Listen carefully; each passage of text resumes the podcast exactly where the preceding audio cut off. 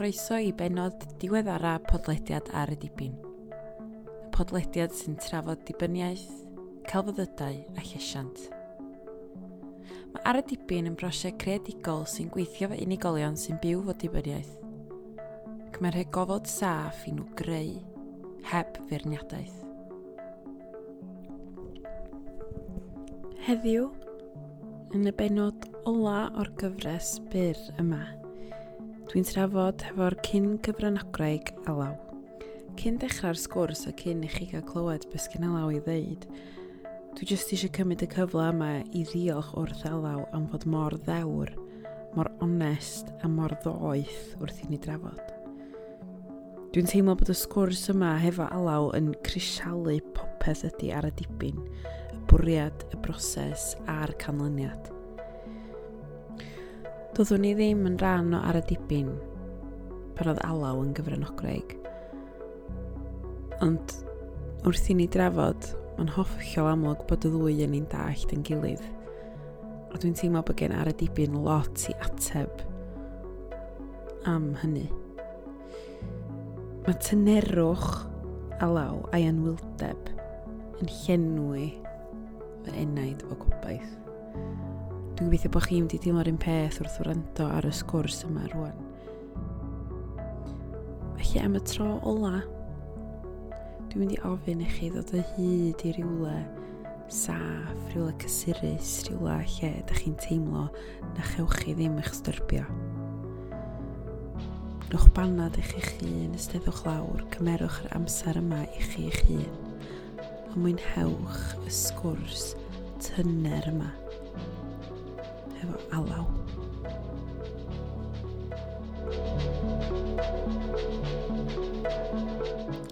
Wrth i ni drafod, fe all y podlediad hwn achosi teimladau anghyfforddus i chi.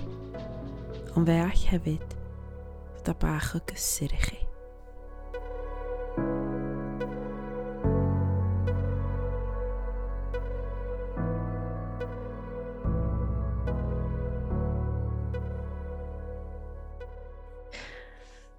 diolch o galon alaw am ddod i siarad efo fi heddiw. Um, Dyn ni'n cael sgwrs bach dros Zoom um, am bod y ddwy ni'n eitha pell oddi wrth yn gilydd. Uh, dwi'n bod arch ymlaen i gael sgwrs yma fo chdi achos mi wyt ti yn uh, gyfranogwr oedd yn cymryd rhan cyn i fi ddod ymlaen ar y prosiect. So ti bellach ymlaen um, na yr cyfranogwyr dwi'n gweithio ar hyn o bryd. Um, ond mi nes pryd nes di gymryd rhan yn prosiect ar y dipyn? Dwi'n meddwl tua hydref neu tachwedd i genigen oedd hi. Um, cyfres o ryw chwech sesiwn i gyd, dwi'n meddwl. Um, so fe'n arwain i fyny at, wel, bron iawn, dolyg wedyn i genigen. Ac oedd y sesiwn yna'n digwydd dros Zoom? Oedd, oedden nhw gyd ar Zoom, um, oedden ni'n uchanol hyn, dweud ni ar y pryd efo Covid, Um, Wel, dyn ni dal wan yn dydyn, ond ie, yeah, efo lockdowns a felly, felly ie, yeah, ar Zoom oedden ni gyd.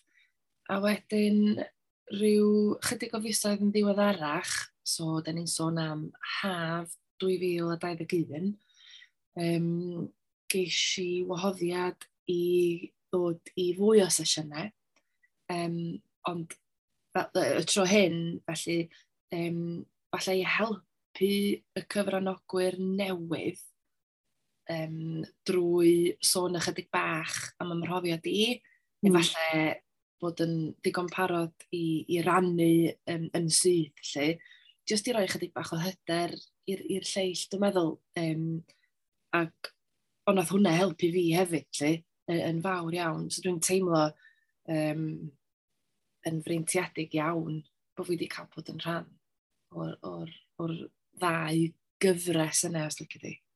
Mm.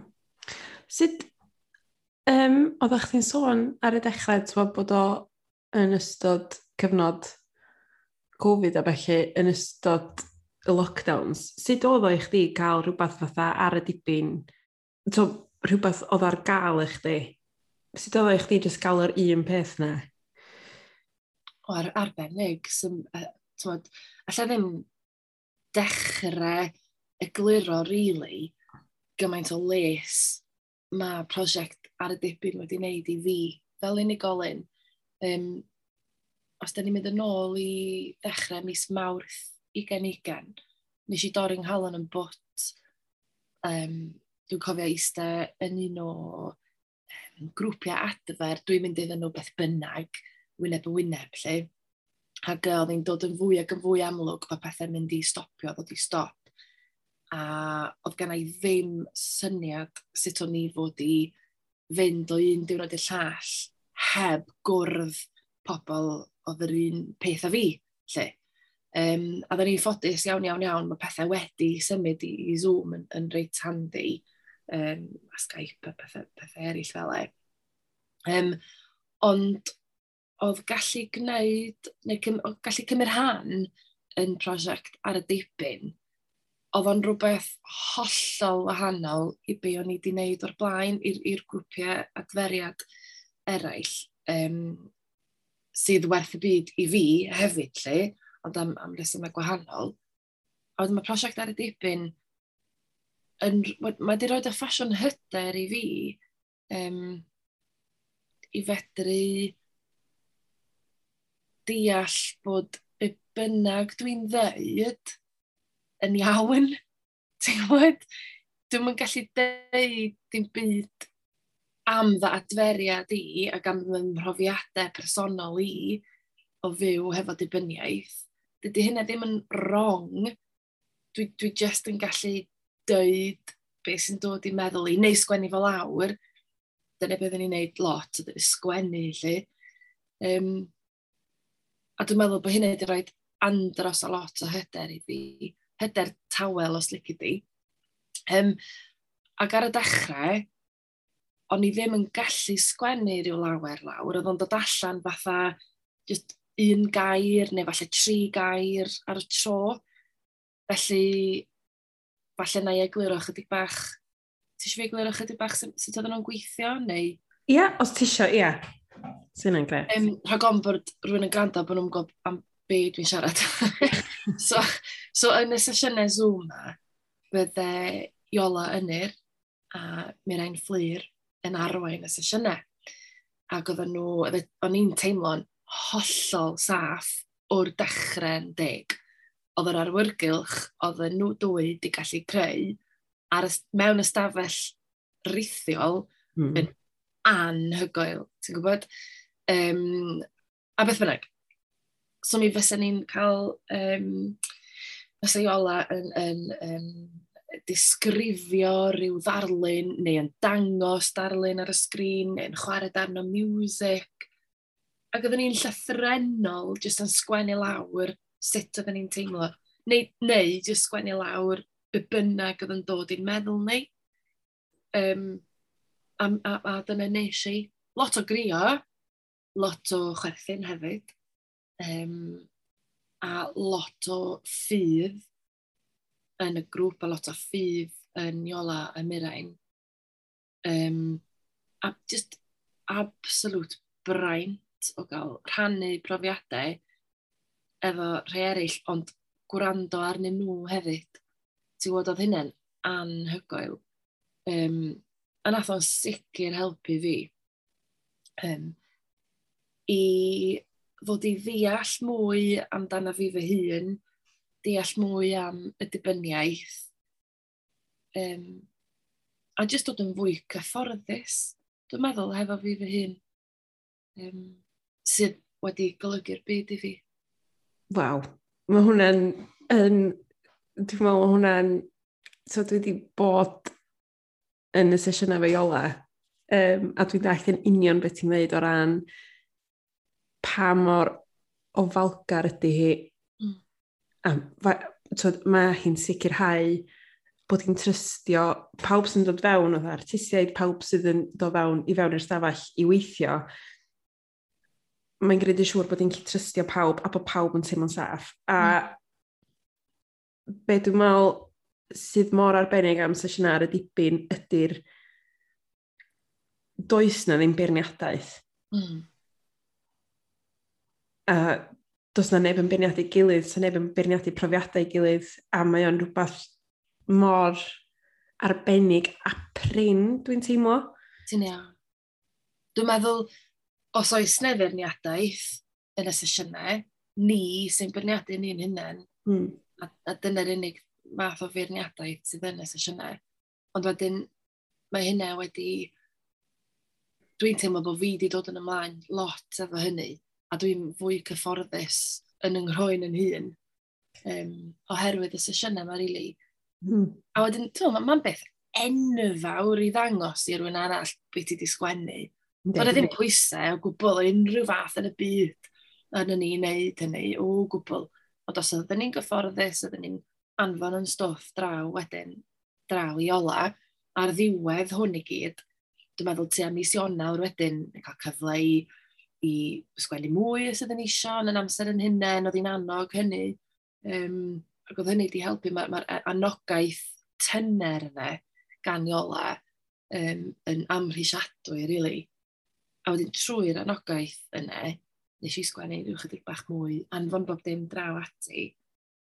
A dwi'n gwybod be yn i ddisgwyl, really. Os yn ei ddisgwyl, ddisgwyl fatha drafft yn ôl efo lot o sgwennu coch. fel bod fi'n ysgol neu rhywbeth, ti'n gwybod? Ond, to, pen fi'n wirion na hynna, jyst yn paranoid a beth bynnag. A wedyn, just sgwrs arall efo Iola wedyn, dweud, o, tywod, da ni'n meddwl gwneud um, ffilm allan o'ch gwaith chi. Be? so, um, dwi'n meddwl bod ti wedi cam ddeall Iola, ti'n gwybod? Da ni ddim yn gallu gwneud stwff fel hyn. Ond mae ma, ma be mae hi wedi wneud efo'n gwaith ni yn anhygoel.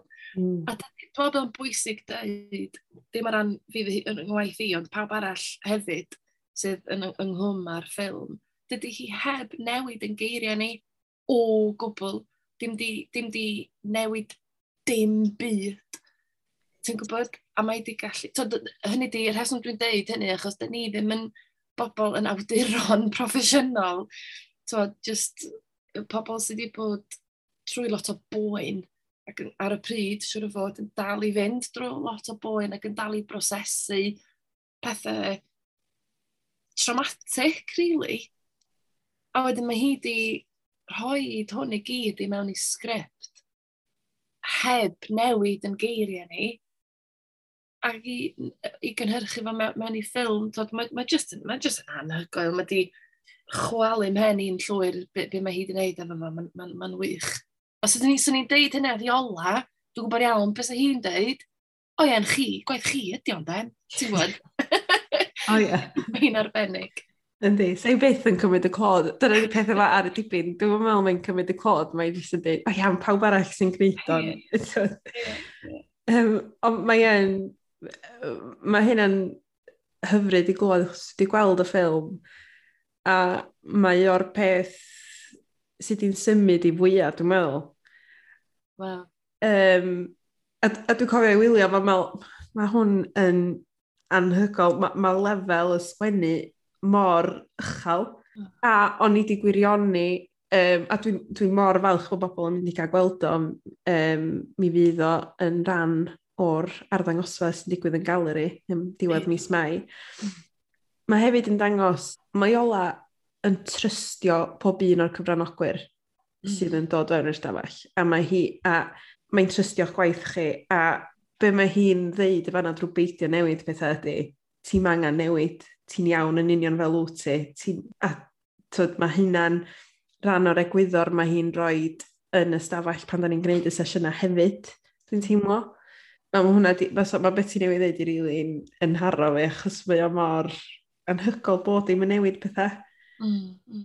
Mae bob dim, be, be mae Iola wedi ddeitha fi o blaen ydy, mae bob dim fel mae fod. Mae'n deud wrtho fi'n aml, ti'n saff, ti'n iawn, ti'n gwybod, a mae hynna, just, mae just clywed y geiriau yna, oh, mae, mae just yn helpu gymaint, ti'n gwybod? Mm. A dwi, dwi yn ffeindio fo yn anodd, um, i feddwl yn ôl ar y cyfnod yna lle o'n i yn, yn so, sorry, dwi'n mynd yn ôl i be di eisiau dweud rhyw hedref tachwedd 2020 o'n i'n cymryd rhan yn y prosiect. So, o'n i o'n i heb yfed ers ta 5 mis. A falle, mae pobl yn meddwl, waw, 5 mis. Ond diolch byd, ti'n gwybod, di ddim byd, pan ti wedi bod yn ddibynnol ar alcohol am drost chwarter canrif fel o'n i, dydy o'n byd, dydy pum mis yn byd. So o'n i dal mewn lle bregus iawn, iawn, mm. iawn. Mm. Um, yr un fath a oedd y lleill hefyd. Um, a mae'n anodd meddwl yn ôl i'r cyfnod a mae'n anodd gwylio'r ffilm. Dwi wedi gwylio'r ffilm dwy waith, so unwaith nath nhw anfon yr un, um, tod, oedden nhw ddim, ddim gweith di gorffen a ddim efo'r music a bod dim efo fo. A wedyn, dyn fo, a wedyn nes i dwi wedi gwylio'r ffilm gorffenedig unwaith. Alla i ddim mynd yn ôl a gwylio eto, ti'n gwybod, achos mae'n boenus iawn, iawn, iawn. Ond ar y llaw arall, mae'n bwysig hefyd mae'n ma, ffilm mor bwysig. Um, a dwi yn gweld gobaith yn y ffilm hefyd.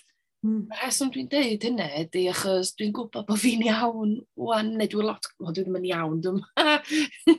Mae'n ma mhen i wastad yn mynd i fod braidd yn crazy. Ond um, ti'n gwybod, dwi'n lot, lot gwell rwan. So mae ne obaith yn does, ti'n gwybod?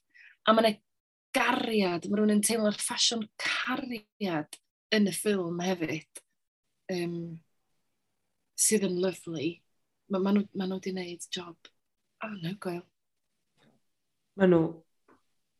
Mae ma, ma safon y ffilm, mae safon yr actorion, safon yr, yr um, gwaith ffilmio, safon y Iola yn cyfarwyddo, bod mae o'n ie, yeah, mae, mae jyst yn waith safonol. Mm.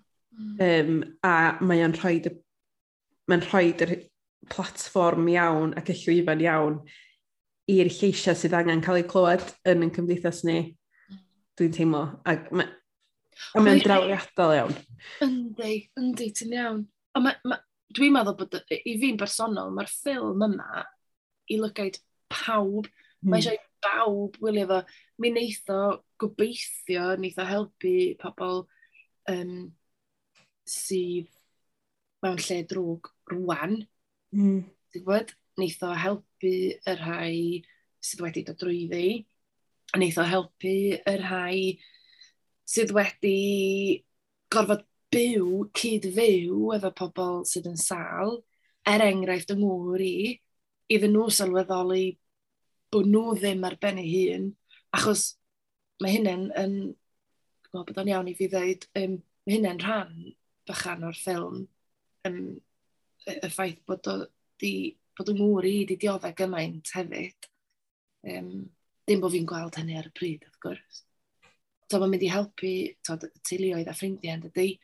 A hefyd, dwi'n gobeithio wneud pobl sydd heb unrhyw brofiad o gwbl o ddibynniaeth, dwi'n gobeithio na nhw wylio hefyd. Achos er, falle bod nhw'n meddwl bod nhw ddim yn nabod rhywun, falle um, sy'n ddibynnol ar rhywbeth, lle dim ond os, os mae alcohol neu cyffuria neu gorweithio neu mae'r corff neu be bynnag ydy o, dwi'n meddwl bod pob un ohono ni'n nabod rhywun mm. sydd, sydd yn sal ynda. Um, so mae'n mae, mae, ffilm bwysig yn, yn hynny o beth hefyd i, i godi ymwybyddiaeth um, yn ogystal o bod yn, yn ffilm tod, i helpu pobl fel ni lle, dwi'n meddwl, ydy beth yn drio ddeud. Be sa ti'n ddeud wrth rhywun, ti'n ddeud mae'n ffilm i bawb, ond beth sa ti'n ddeud wrth rhywun sydd eich yn gwrando ar hwn heddiw ac yn, ac yn uniaethu fo beth ti'n ddeud? Beth sa ti'n ddeud nhw os maen nhw rhwng dau feddwl mynd i rhywbeth fatha ar y dipyn neu sesiwn creadigol sydd er lles, neu mae'r gair credigol yn yn twyd, codi barrier, mm. ond twyd, just, os oes na weithdi sgwennu sydd yn deud bod o ar prescription, so bod o am ddim yn rhywbeth, neu gweithdi celf um, peintio neu be bynnag.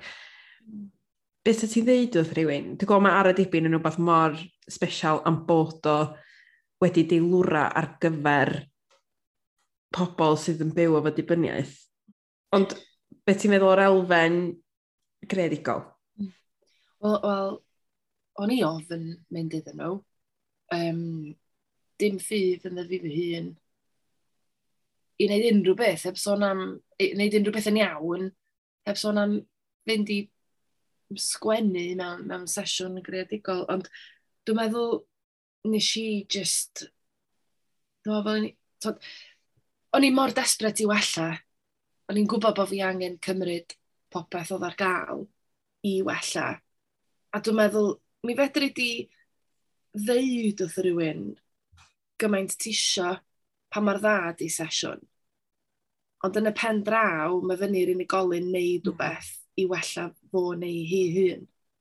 Ti'n gwybod? A dwi'n hmm. gwybod falle bod hynny'n swnio bach yn oeraidd a bach yn galed, ond mae hyn yn dod gan rhywun sydd wedi bod drwy iddo fo. Ac yn pen draw, o'n i'n gwybod yn diwedd, mae dim ond fi oedd yn gallu helpu fi. Ti'n gwybod? Achos mi nes i so, haf 2000 ac 19, lle ni'n sal iawn, iawn, nes i myfed am chwech wsos, achos oedden ni'n mynd i ffwrdd ar ddiwedd y chwech wsos yma, fel teulu, um, fi ar gŵr a dau o blant bach iawn ar y pryd. A nes i fedru gwneud, oedd ddim yn hawdd, a nes i fedru gwneud o efo cefnogaeth um, meddygol ac yn y blaen. So wnaethon ni gael y gwyliau yma. achos ni ddim eisiau bod ar binau ar y gwyliau, lle. Ti'n gwybod, um, wedyn wnaethon ni fwynhau yn fawr o dod adre. A wedyn o'n i nôl i lle o'n i, yn syth ben ar ôl dod adre. Ac o'n i methu dallt o pam bod bo fi wedi gallu gwneud y chwech wsos ma. Mm. A wedyn bod fi jyst yn ôl fel o'n i. A nes i gael sylweddoliad rhai wythnosau wedyn bod fi wedi gwneud o i mhlant. Ond di hynna ddim yn ddigon dio ddim yn ddigon gwneud, a mae hwnna'n swnio yn ofnadwy bod o ddim yn ddigon wneud oed y blant. Twa, swn i'n gwneud unrhyw beth iddyn nhw. Ond oedd, ddi, ond, oedd, ond, oedd hyd, yn, hyd yn oed nhw ddim yn ddigon o reswm i fi wella fy hun, lle. O'n i'n gwybod bod rhaid i fi wneud o er mwyn fi fy hun. So am o'n i bod o yn reit debyg ti'n gwybod, fi fedru di argymell y sesiynau. Mm. A swn i'n wir llawr anghalon yn argymell y sesiynau, y sesiynau yma. Maen nhw'n anhygoel um, a di helpu fi yn aruthrol. Ond ar yr un pryd, ti'n mynd gallu neud i rywun neud yn byd. Ac oed. Ond ar ran yr ochr greadigol oeddet ti'n sôn am, um, dio'n byd i fod i ofni yn diwedd fel o'n i'n i ofni. A sy'n rhaid rhannu dim byd chwaith. Dwi'n meddwl lot o'r amser nes i ddim rhannu be yn, yn, yn llawn be o'n i wedi sgwennu. Falle nes i just deud nhw ambell air a deud o dwi'n gadael o fanna hwn. A dyna ni, dim mwy o gwestiynau ymlaen at y peth nesaf. Ti'n gwybod, mae'n ma, ma nhw'n ma, ma ofod saff iawn, iawn, iawn. A hefyd siw bod o'n werth nodi bod na gefnogaeth proffesiynol hefyd ym mhob un o'r sesiynau. Mm. So, di rhywun yn teimlo bod nhw wedi cael sesiwn, um, gwmwys eisiau dweud sesiwn anodd, ond sesiwn sydd wedi dod â lot o emosiynau anodd i'r wyneb, wel, oedd rhywun yn gwybod wedyn oedden nhw'n gallu aros am ryw hanner awr fach arall, nes oedden nhw isio, neu deg munud neu bynnag, i siarad efo conselydd, neu mae'r ma ma, r, ma r gofal yn hynny o beth yn, yn wych hefyd yn y sesiynau. A mm. nes i sylwi oedd, o, oh, dwi'n dwi'n eitha joio sgwennu pethau lawr, actually. dwi'n dwi i trio hyn ar stalwm iawn. Ac, um, ac o'n i'n mwynhau yn, yn fawr iawn. A dwi'n siŵr sy'n ni'n deud yr un fath. So ni'n, ti'n gwybod, trio, trio tynnu llun ar er swn i'n deitha ti rwan bod fi'n yn gallu, ond mae yn deud i'r gwrthwyneb yn bysau, bysau hi'n deud bod bob dim yn iawn. Ti'n gwybod? Sydd y wir yn dydy, sy'n byd yn wrong. Ac oes, yn byd ti'n, twyd, ni sy'n deud hynny wrth ni'n hunan, neb arall. Ti'n gwybod?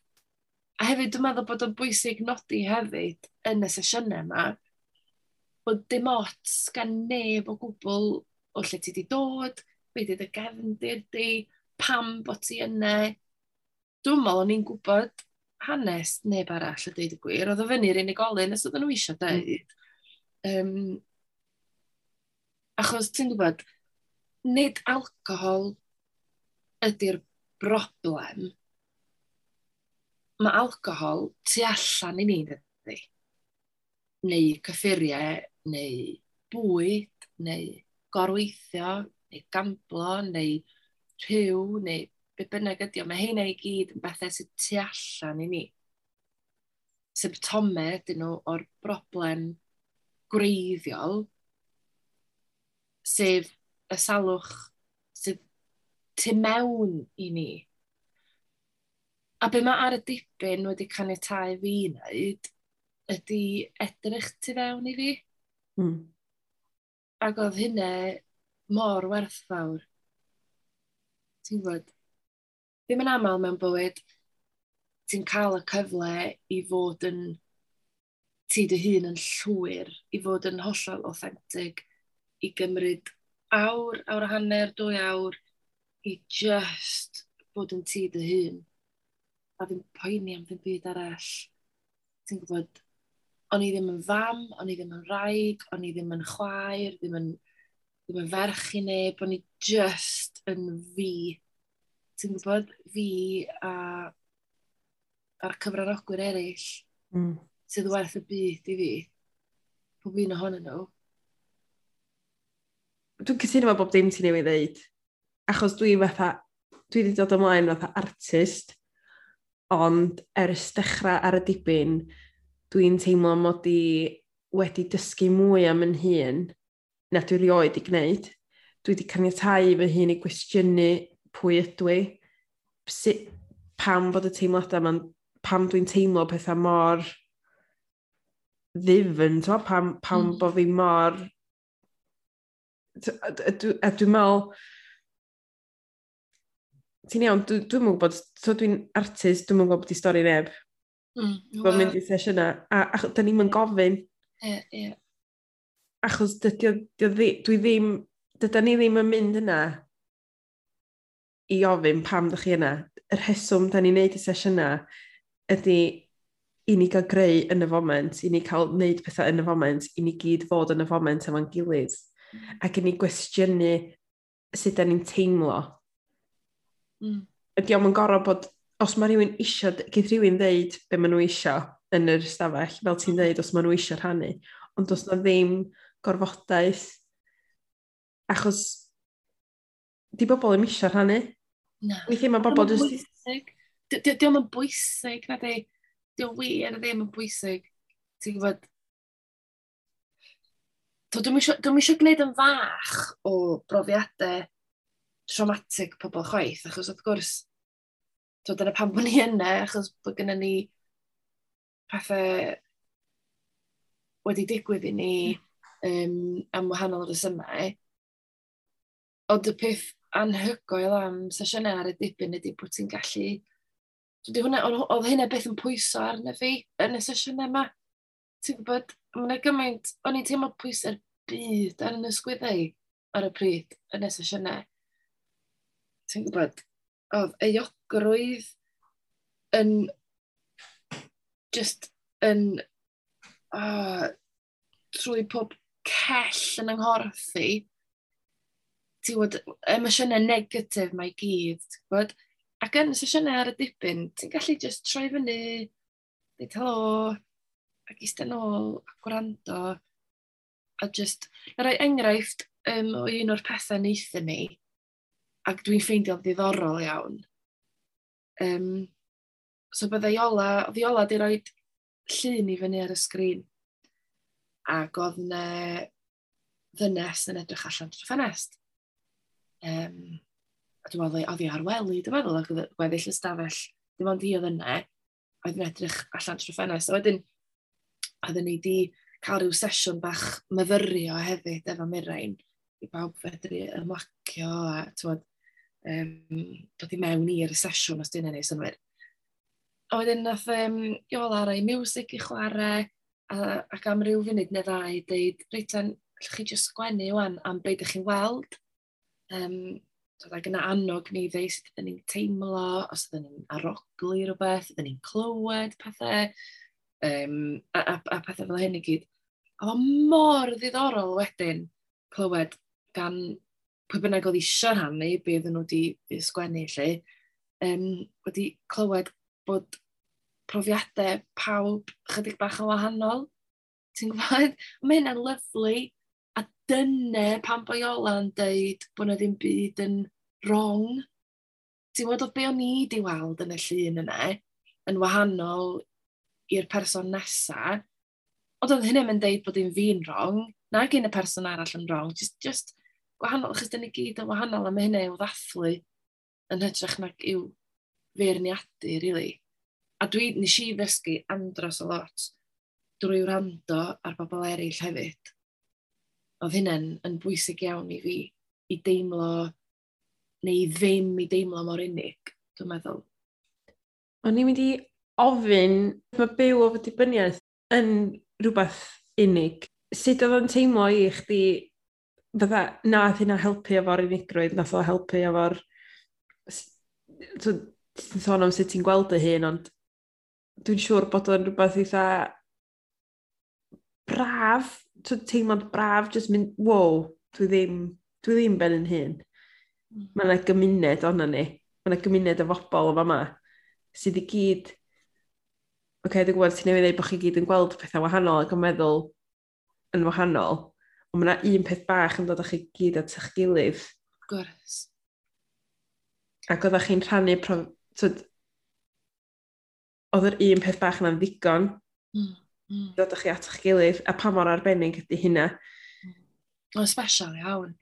Does yn byd, allai, allai dwi'n mwyn siŵr iawn os fyddai'n gallu rhoi o mewn i geiriau deud y gwir, yr, y teimlad o'na o, o, o, o berthyn dwi eisiau ddeud, dwi'n gwybod os dwi'n gywir chwaith. Um, Twyd, o'n i mor nerfus yn mynd i'r un cyntaf yna. mor nerfus. Ond mi nes i fynd, i fel, ah, come on law.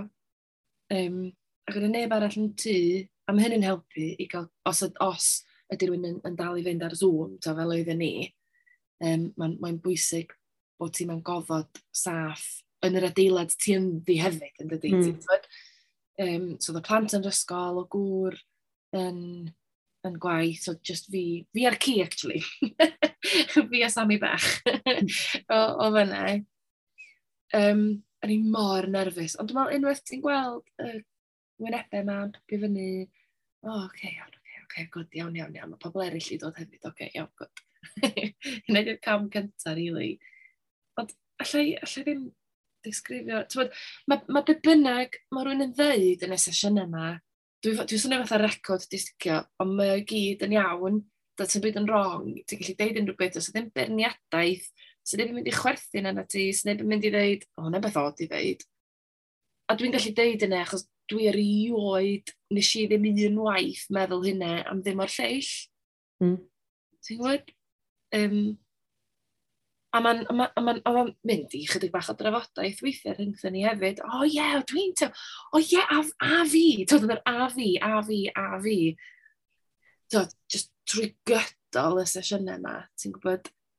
Um, a wneud rhywbeth i fi fy hun hefyd. Ti'n gwybod, a bod yn garedig efo fi fy hun a caniatau i fi fy hun i gael yr awren yna, neu faint bynnag oedd o awr hanner. So, bod hynny'n oce okay hefyd. Um, ddim ar chwarae bach mae rwy'n yn penderfynu mynd i sesiynau fel yna, a dwi'n dwi, a dwi deall yn yn, twod, yn, yn, yn, yn iawn, lle. Um, o bys ni yn annog unrhyw un um, i godi'r ffôn yn y lle cyntaf falle, os dwi'n nhw'n yeah. siŵr, sgwrs hefo Iola, um, a just cymryd y plunge yna ynda, yn, twod, a just mynd, bod yn garedig efo nhw hunain, rhoi yr space yna, a just mynd iddyn nhw. Ie. Mae nhw'n briliant. Gwn i fwy, please. Ie, mynd yn, ie, gwn i fwy, please. O, oh, diolch yn fawr iawn dwi'n ymwybodol bod dwi'n cymryd lot o amser di, a dyn ni wedi siarad am bach i rech nag oedden ni wedi fwriadu, dwi'n rili really sori am hynna. Ond um, un cwestiwn cyn i fi orffan, wyt ti dal i sgwennu ers y sesiynau a wyt ti dal i greu? Um, yn dwan ac ydw. Um, mae'r diffyg hyder yna, diffyg hyder yna dal yna, ti'n gwybod? Um, ond mae'n eisiau, dwi, dwi yn weithiau yn dwi, mi ydw i. Dwi ddim yn neud yn aml iawn, um, ond, ond mi ydw, dwi yn weithiau. Dal mae'n cysylltiad efo Iola, um, sydd yn hyfryd, hyfryd, y gobeithio fydda i am byth efo Iola yn yr person arbennig iawn. Um, so mae'r anogaeth yn, yn dal i fod yn adawa bach gan hi. Um, dwi'n meddwl hefo rhywbeth fel yna, mae eisiau neud o'n gyson yn toes. Ti'n gwybod un o'r pethau yna. Ond um, dwi'n meddwl bod beth sydd wedi switcho, yr, yr switch enfawr ydy bod fi'n gwybod bod fi'n gallu gwneud o. Dwi'n hynny'n swnio wirion, achos mae unrhyw yn gallu sgwennu. Wrth gwrs bod nhw, mae pa, pawb yn gallu sgwennu geiriau lawr ar bapur, ond o'n i wir, wir ddim yn meddwl bod fi yn gallu gwneud hynny hyd yn oed. Neu bod o ddim digon da neu be bynnag. Ond dwi'n mynd o i ddangos i neb. Dwi'n neud o jyst i gael y teimladau a'r emosiynau allan. Mm. Um, so ie, yeah, so dwi ddim, dwi ddim yn neud yn aml, um, ond pan dwi yn neud o, mae o'n llesol iawn yn da. O'n i siarad efo Iola am hyn yn y podlediad cyntaf, yn y benod cyntaf. O oh, ie. Yeah. Ac oedd hi'n deud ta y creu, oedd hi'n meddwl bod hi'n methu creu, a'r hynna oedd o fatha, na, dwi'n methu neud rhywbeth, dwi'n methu neud o ond dyna nath roed yr hwb na iddi wedyn. Yeah. Achos bod yna werth yn ei gwaith i, mae yna werth, tywed. Oh. Mae Ola'n gweld gwerth yng ngwaith pob un ohono ni. Mm. Um, Mae'n un beth arbennig arall ynglyn â'r sesiynau, wrth gwrs, achos bod Iola wedi bod trwy'r cyfnodau erchill yma i hun, So mae gwybod hynny yn unig yn help garw, dwi'n mm. meddwl. Ti'n gwybod, um, dim bod i ola yn sôn am ei phrofiadau um, fel yna, chwaith yn y sesiynau, ond mae ma jyst gwybod hynny yn rhoi rhyw fath o dawelwch meddwl i rywun. Um, dwi'n meddwl un beth mae rhywun wedi bod i un ohonyn nhw, mae rhywun yn dall wedyn, ti'n gwybod?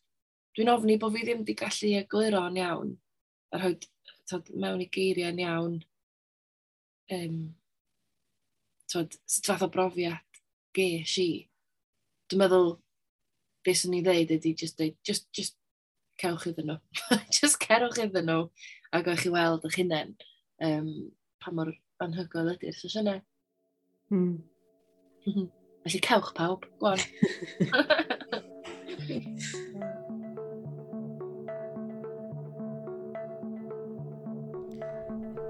Unwaith eto, diolch o galon i alaw am fod mor ddewr, am siarad mor, mor wych ac am fod mor ddoeth.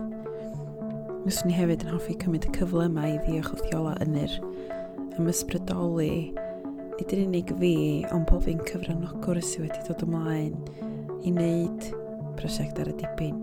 Bob un artist sydd wedi gweithio'r prosiect ar y dipyn i bawb sydd wedi cael ei hudo i swyno gan ei gallu hi. Diolch o galon Iola. A diolch i chi gyd am wrando.